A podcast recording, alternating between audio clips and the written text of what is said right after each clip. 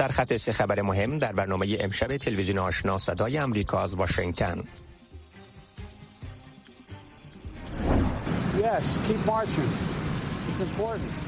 رئیس جمهور بایدن از معترضین قانون مالکیت سلاح خواست به اعتراضاتشان ادامه دهند. رئیس جمهور اوکراین می‌گوید در صورتی که روسیه بنادران کشور را بر صادرات غلجات اوکراین به خارج مسدود نگه دارد قحطی و گرسنگی دامنگیری بسیاری از کشورهای جهان خواهد شد و فرانسوی ها امروز به پای صندوق های رأی رفتند تا در اولین دور رأیگیری اعضای پارلمان آن کشور رأی بدهند.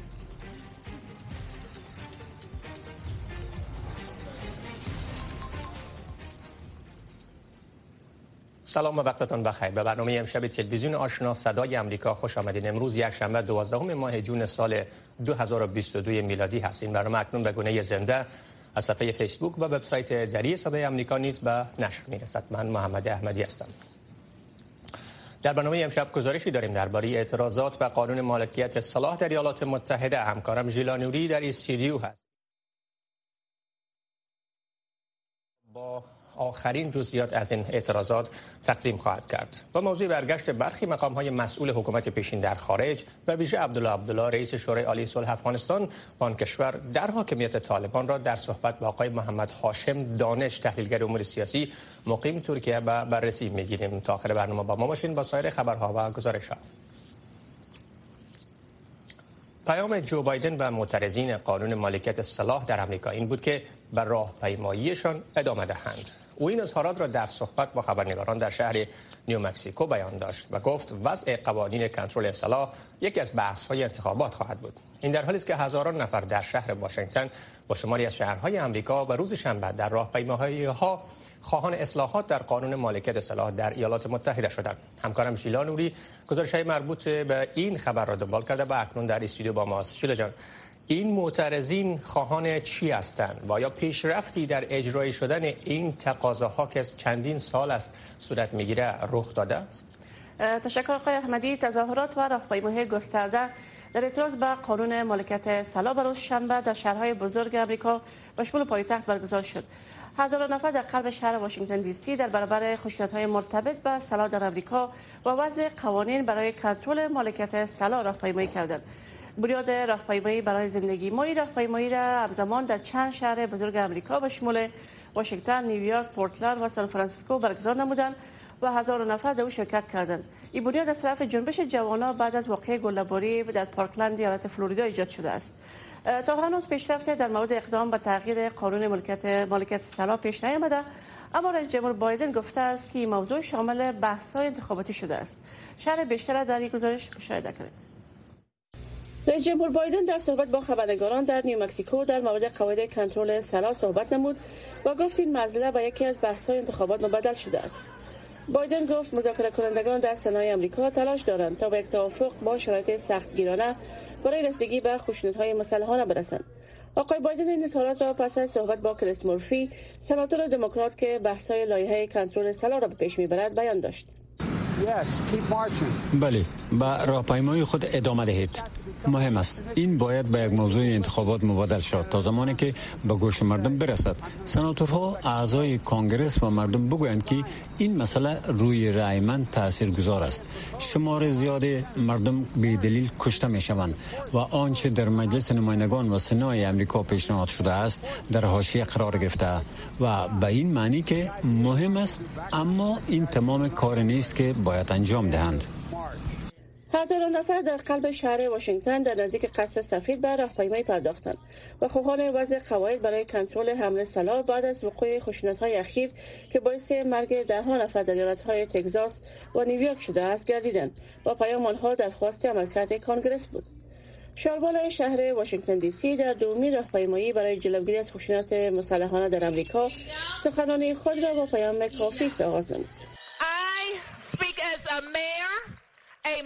من من حیث یک شاروال و یک مادر اینجا صحبت می کنم از طرف میلیون ها امریکایی و شاروال ها صحبت می کنم که از کانگرس می خواهند وظیفه خود را انجام دهد و وظیفه آن حفاظت از ما و کودکان ما در مقابل خشونت مسلحانه است. شمار از افراد در این اعتراض خواهان اصلاحات در قانون ملکیت سلاح شدند که اخیرا خشونت مسلحانه سبب مرگ 19 کودک در شهر یووالدی ایالت تگزاس شد. یکی از کسانی که از گلبری پارکلند ایالت فلوریدا نجات پیدا کرده است و بنیاد راهپیمایی برای زندگی ما را بنیان گذاشته است در این اعتراض ها شرکت نموده بود. اگر حکومت ما کاری برای توقف کشته شدن 19 کودک در مکتبشان نکردن زمان برای تغییر کسانی که در حکومتند فرا رسیده است. یک تن دیگر از نجات یافتگان از واقع پارکلند در پیام حساس خود از کنگرس خواست برای تغییر در قانون سلاح تصمیم بگیرد. با چی طرق باید این صحبت را آغاز کنیم؟ خشونت مسلحانه تبعیض نمی شناسد برای همه در همه وقت اتفاق می افتد چرا که کانگرس کار برای جلوگیری از آن نکرده است. رئیس جمهور بایدن اخیرا در سخنرانی خود به خاطر رویدادهای خشونت مسلحانه در نیویورک و تگزاس قدمهایی را برای بالا بردن سن برای خرید سلاح در امریکا پیشنهاد نموده است. ژیلا نوری تلویزیون آشنای صدای امریکا واشنگتن. وزارت خارجه اوکراین از ها برای ارسال مواد غذایی به کشورهای نیازمند خبر دهد. در همین حال ولادیمیر زلنسکی رئیس جمهور اوکراین می‌گوید در صورت که روسیه بنادران کشور را بر صادرات غلجات اوکراین به خارج مسدود نگه دارد. قحطی و گرسنگی دامنگیری بسیاری از کشورهای جهان به خصوص کشورهای آسیایی و افریقایی خواهد شد. شرح بیشتر این موضوع در این گزارش. وزارت خارجه اوکراین می‌گوید تلاش ها برای دریافت راهها جهت ارسال مواد غذایی صادراتی آن کشور به کشورهای نیازمند جهان جریان دارد. این در حال است که چندین بندر تحت اشغال نیروهای روسیه قرار دارد.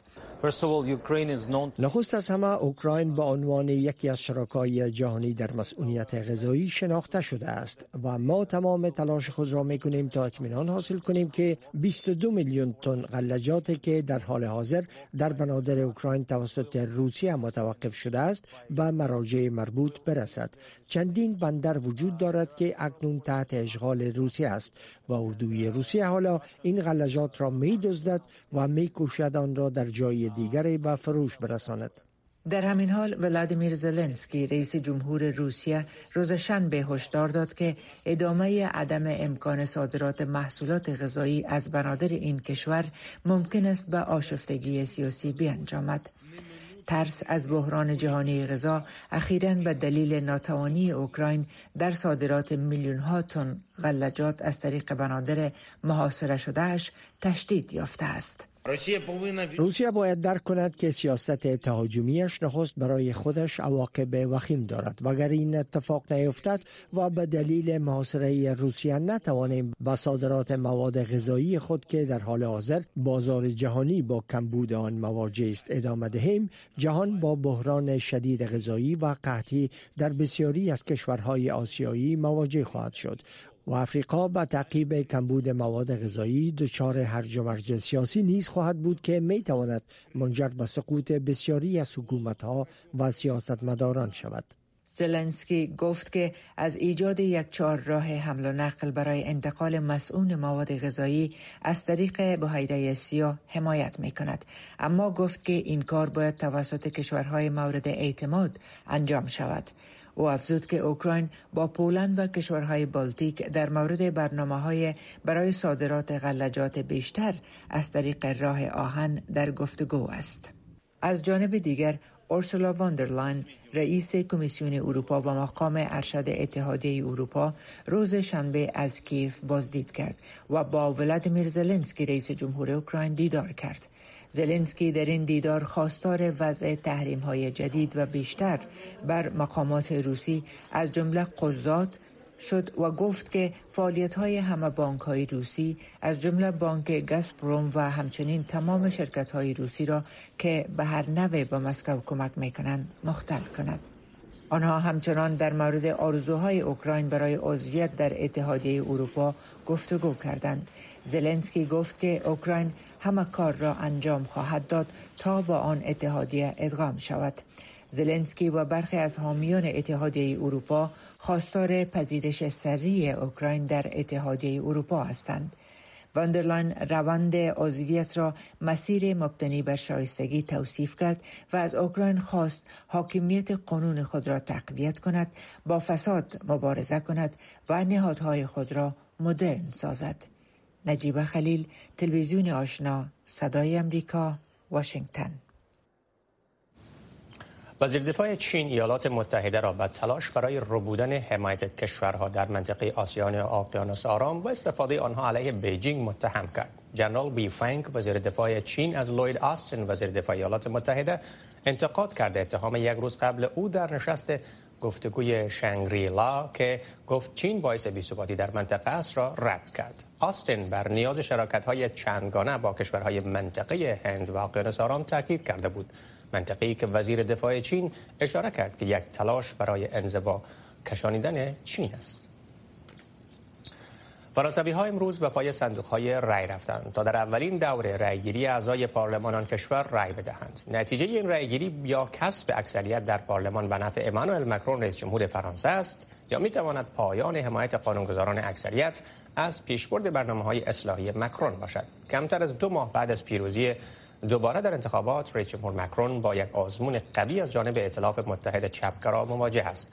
نظرسنجی ها نشان می دهد که اگر مکرون کنترل پارلمان را به دست نگیرد ممکن است کسب اکثریت قاطع محروم گردد. افراد نزدیک به حکومت انتظار دارند که امروز یک شنبه اشتراک رای دهندگان برای ائتلاف مکرون نسبت نسبتا در دور اول انتخابات کم رنگ باشد زیرا شماری از رای دهندگان از رای گیری پرهیز می کنند یا در مورد مصارف زندگی عصبانی هستند. پیش بینی های اولیه بعد از رأیگیری بعد از انتخابات ریاست جمهوری نشان داده بود که مکرون برای کسب اکثریت پارلمان در مسیر درست در حرکت است.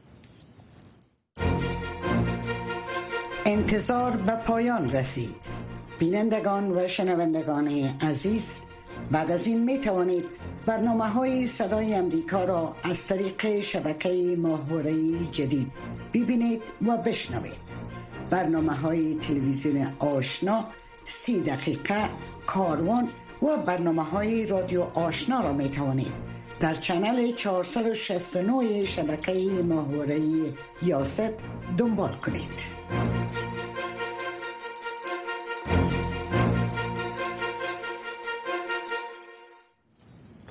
عبدالله رئیس پیشین شورای عالی مصالحه ملی افغانستان پس از یک سفر 43 روزه دیروز شنبه دوباره به افغانستان برگشت. برخی از های طالبان برای استقبال از او و میدان هوایی کابل رفته بودند و از وی پذیرایی کردند.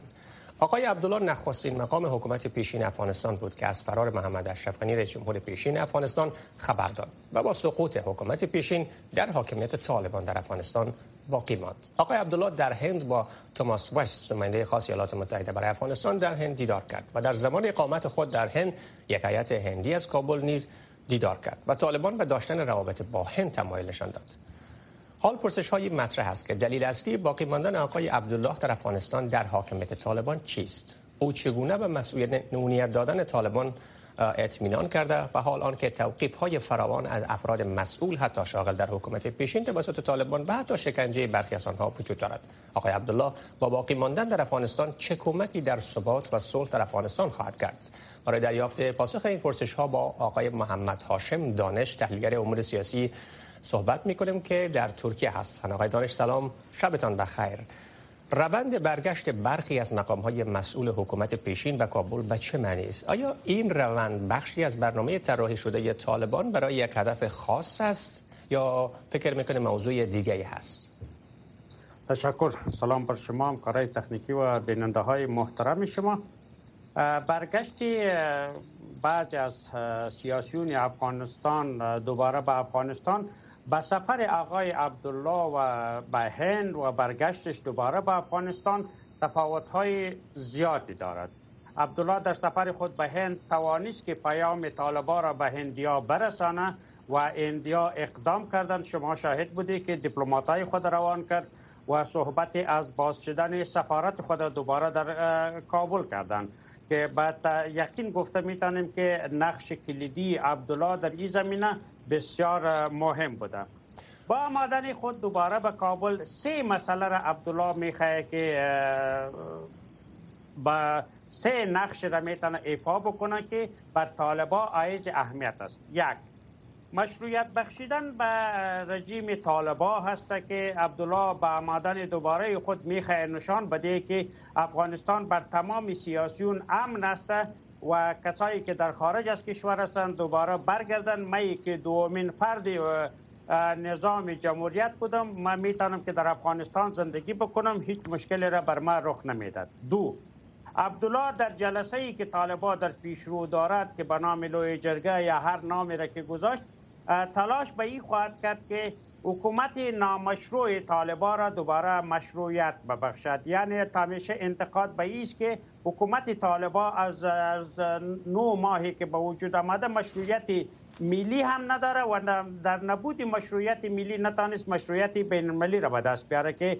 جلسه پیشرو در حقیقت می‌خواه طالبا به نوی از آنها به خاطر کسب مشروعیت ملی یک دستاویز را به خود داشته باشد. سومین مسئله و حیاتی ترین و به اهمیت ترین مسئله است که آمدن دوباره عبدالله عبدالله که سه دوره به مسابقه نماینده جمعیت اسلامی افغانستان مطرح شد و از ادرس تاجکا در افغانستان نقش کلیدی را داشتن در حقیقت آمدن دوبارهش به عدم مشروعیت مقاومت احمد مسعود هم می‌گذارند. یعنی به این معناست که مایی که کاندید بودم مایی که رای جمعیت داشتم مایی که تمام جمعیت پشت سر ما بود من می‌تونم با طالبا در کنار طالبا زندگی بکنم با طالبا همکار باشم و اینا.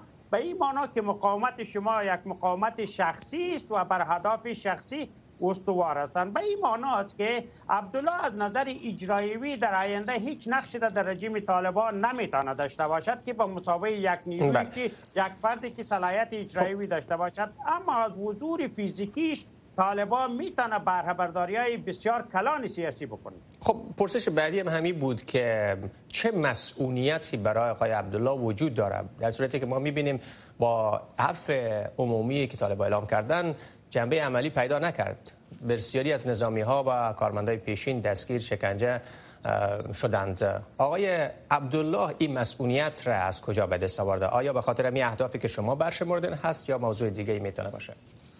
عبدالله وقتی که از افغانستان هم بیرون نشد چون بر عبدالله تمام رازهای پشت پرده سیاست های امریکا بعد از تفاهم نامه دوها معلوم بود که چی سناریوی سر افغانستان پیاده میشه؟ و تضمین های به عبدالله هم از طرف طالبا و هم از طرف پاکستان داده شده بود که به امنیت عبدالله کوچکترین خطر نیست. و شما دیدین که حتی به کرزه تهدید شد و به کرزه مشکلات ایجاد شد. کرزه مجبور شد خانه خود ترک کنه بیاید در خانه عبدالله ولی بر عبدالله هیچ نوع مشکلی ایجاد نشد. به این معنا است که عبدالله در توازن قدرت همیشه نقشی را داشته اما نقش پسیفی را اجرا کرده و نقش اکتیف را همیشه نداشته. عبدالله بیشتر زوایر مسائل را بسیار خوش دارن که تشریفات باشد سیستم باشد پذیرایی باشد و اینا باشد یکی چه نقش موثری را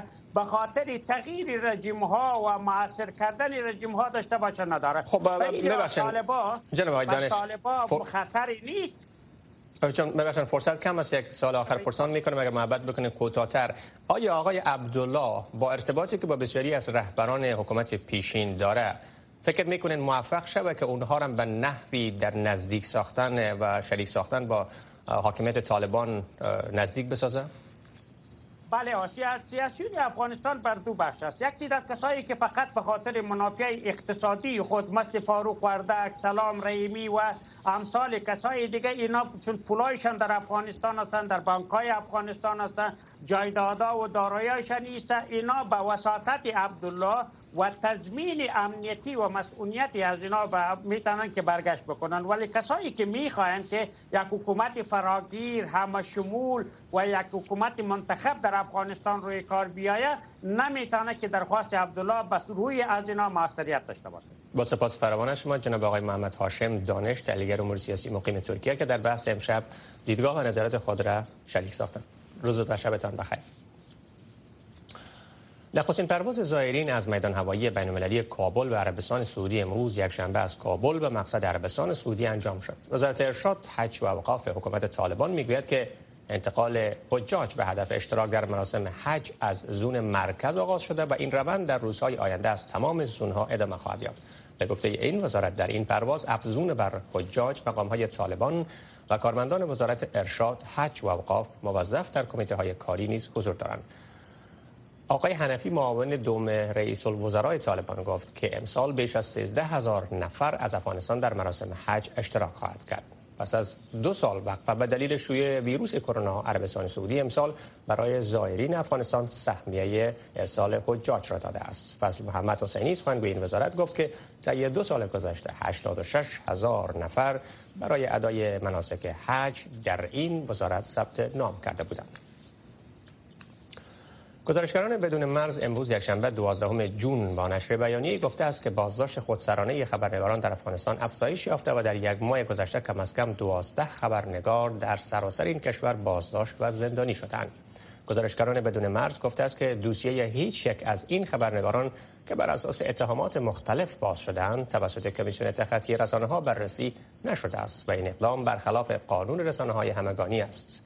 این سازمان بین المللی حامی خبرنگاران این بازداشت ها را محکوم کرده و از حکومت طالبان خواسته است تا با عملی کردن تعهدات خود از خبرنگاران حفاظت کرده و به قانون رسانه های همگانی احترام کند. اما به گفته این سازمان تشکیل کمیسیون تخطی رسانه های تشکیل شده توسط طالبان تا اکنون هیچ تأثیری بر توقیف و بازداشت خبرنگاران نداشته است.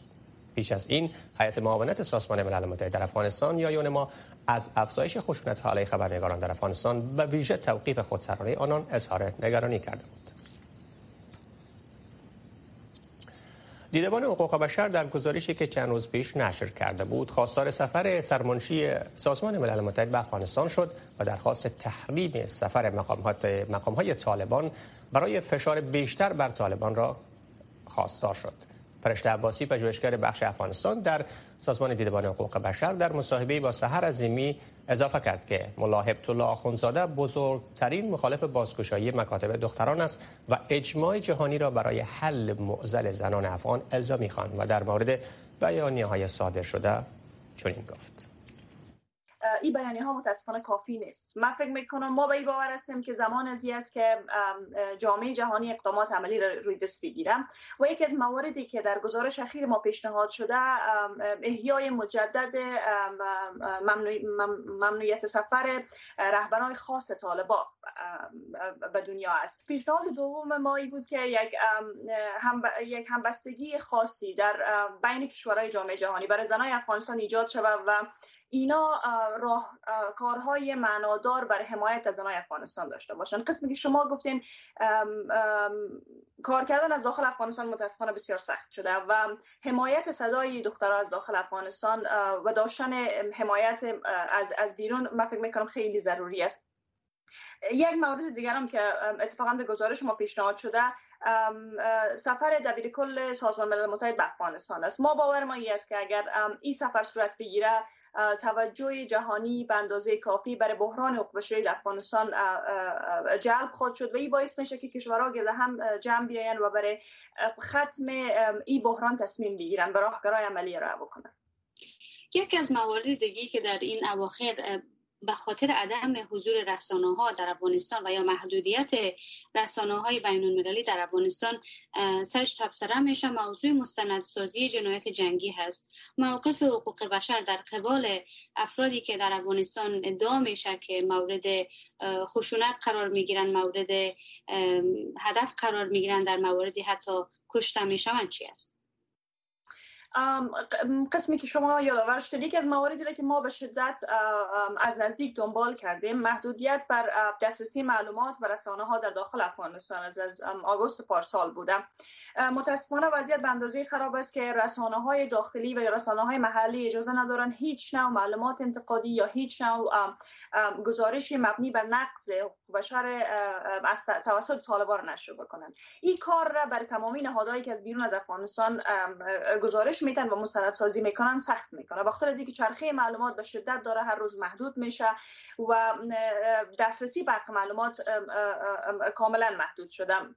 در خیلی از موارد حتی زمانی که ما می‌خوایم با قربانی ها صحبت بکنیم خانواده های قربانی ها حاضر به صحبت نمیشن حاضر به اموشری کردن معلومات نمیشن بخاطر که خیلی یک جمله خیلی ساده از جان خود میترسن از بازداشت شدن میترسن از شکنجه شدن میترسن. یکی از مواردی که ما با اون متحد هستیم به عنوان یک نهاد حقوق بشری که کار ما مستندسازی قضای نقش باشد در افغانستان سالها هست و بوده ای است که ما هنوزم به شکل متداوم و نزدیک. تمامی نقصای حقوق بشری را داریم دنبال می‌کنیم و اکثر اتفاقایی که در افغانستان میفته را مستند می‌کنیم و در مواردی که نیاز باشه و احساس بکنیم که نیاز به دادخواهی است یا فرصت برای دادخواهی است بر تمامی اینا دادخواهی می‌کنیم. افغانستان امسال شاید اولین کشوری در جهان باشه که هیچ دختری از صنف دوازدهم مکتب فارغ نمیشه. با توجه به عدم حضور دختران در مکاتب عدم حضور زنان در به صورت گسترده در حوزه کاری و صدور تمام این اعلامیه ها در ده ماه گذشته ما به هر صورت از هر سو دیدیم که شورای امنیت سازمان ملل متحد نهادهای حقوق بشری اعتراضات داخل افغانستان همه و همه صورت گرفته اما در رویکرد طالبان تغییر ایجاد نشده. به نظر شما چه کار دیگری باید صورت بگیره که تا حالا نگرفتم؟ خب دو تا چیز من می‌خوایم مشخص بسازم. اولا که ما خیلی خوشبین به این هستیم که طالبا حاضر هستند تغییر بپذیرن یا طالبا حاضر هستند انعطاف پذیر باشن. اما قسمی که در گزارش گزارش اخیر ما یاد شده یکی از کسایی که نقش تعیین کننده ای در تمدید ممنوعیت آموزش دخترها داشته هیبت الله خونزاده رهبر طالبا است و این به اندازه کافی میرسانه که طالبا متاسفانه آماده از این یا که هنوز به اندازه کافی برای تصمیم آماده نیستن و باز نیستن برای اینکه اجازه بدن دخترها به مکتب برگردن. من فکر می‌کنم جایی خیلی ناراحتی است و گفته حتی گفتن این جملات خیلی سنگین است. به که در افغانستان تنها کشوری است که دخترها هنوز اجازه ندارن به مکتب برن. ولی در کنار از او یکی از مواردی که ما امیدوار هستیم. به خاطر است که ما راهکار عملی که در آخرین گزارش ما که امروز نشر شده گفته شده ما امیدوار هستیم که در جون امسال زمانی که شورای امنیت سازمان ملل معافیت های طالبان را بازرسی می‌کنه و بررسی می‌کنه حداقل به عنوان اولین اقدام عملی و به عنوان حمایت از صدای دخترای افغان ممنوعیت سفر رهبر خاص طالبان به شمول هبت الله خونزاده رئیس استخبارات طالبان و وزیر امر معروف نهی از منکر اینا را مجددا احیا بکنم. خوانندگان گرامی صدای امریکا انتظار به پایان رسید. اکنون با دانلود کردن اپلیکیشن های MTH لینک و سایفن شما به گونه مسئول با حفظ محرمیت به اینترنت بدون سانسور در هر جا دسترسی خواهید داشت. برای نصب کردن اپلیکیشن nthLink اگر تلفن اندروید دارید به Google Play و اگر آیفون دارید به Apple Store رفته و nthLink را جستجو و دانلود کنید یا اپلیکیشن را مستقیما از این لینک دانلود کنید یا هم لینک دانلود مستقیم آن را برای تلفن اندروید با ارسال ایمیل به این آدرس دریافت کنید. برای نصب کردن اپلیکیشن Psiphon اگر تلفنتان اندروید است به Google Play و اگر آیفون است به Apple Store رفته و Psiphon را جستجو و دانلود کنید. یا این اپلیکیشن را مستقیما از این لینک دانلود کرده و یا هم لینک دانلود مستقیم آن را برای تلفن اندروید با ارسال ایمیل به این آدرس دریافت کنید. بینندگان گرامی نشرات دری صدای امریکا در اینجا به پایان می‌رسد. با سپاس از همه راهی شما که بیننده خبرها و گزارشات تلویزیون آشنا برنامه دری صدای امریکا بودید. گزارش های نشر شده امروز را می توانید با مراجعه و فیسبوک و وبسایت دری صدای امریکا دریافت بکنید. روزتان.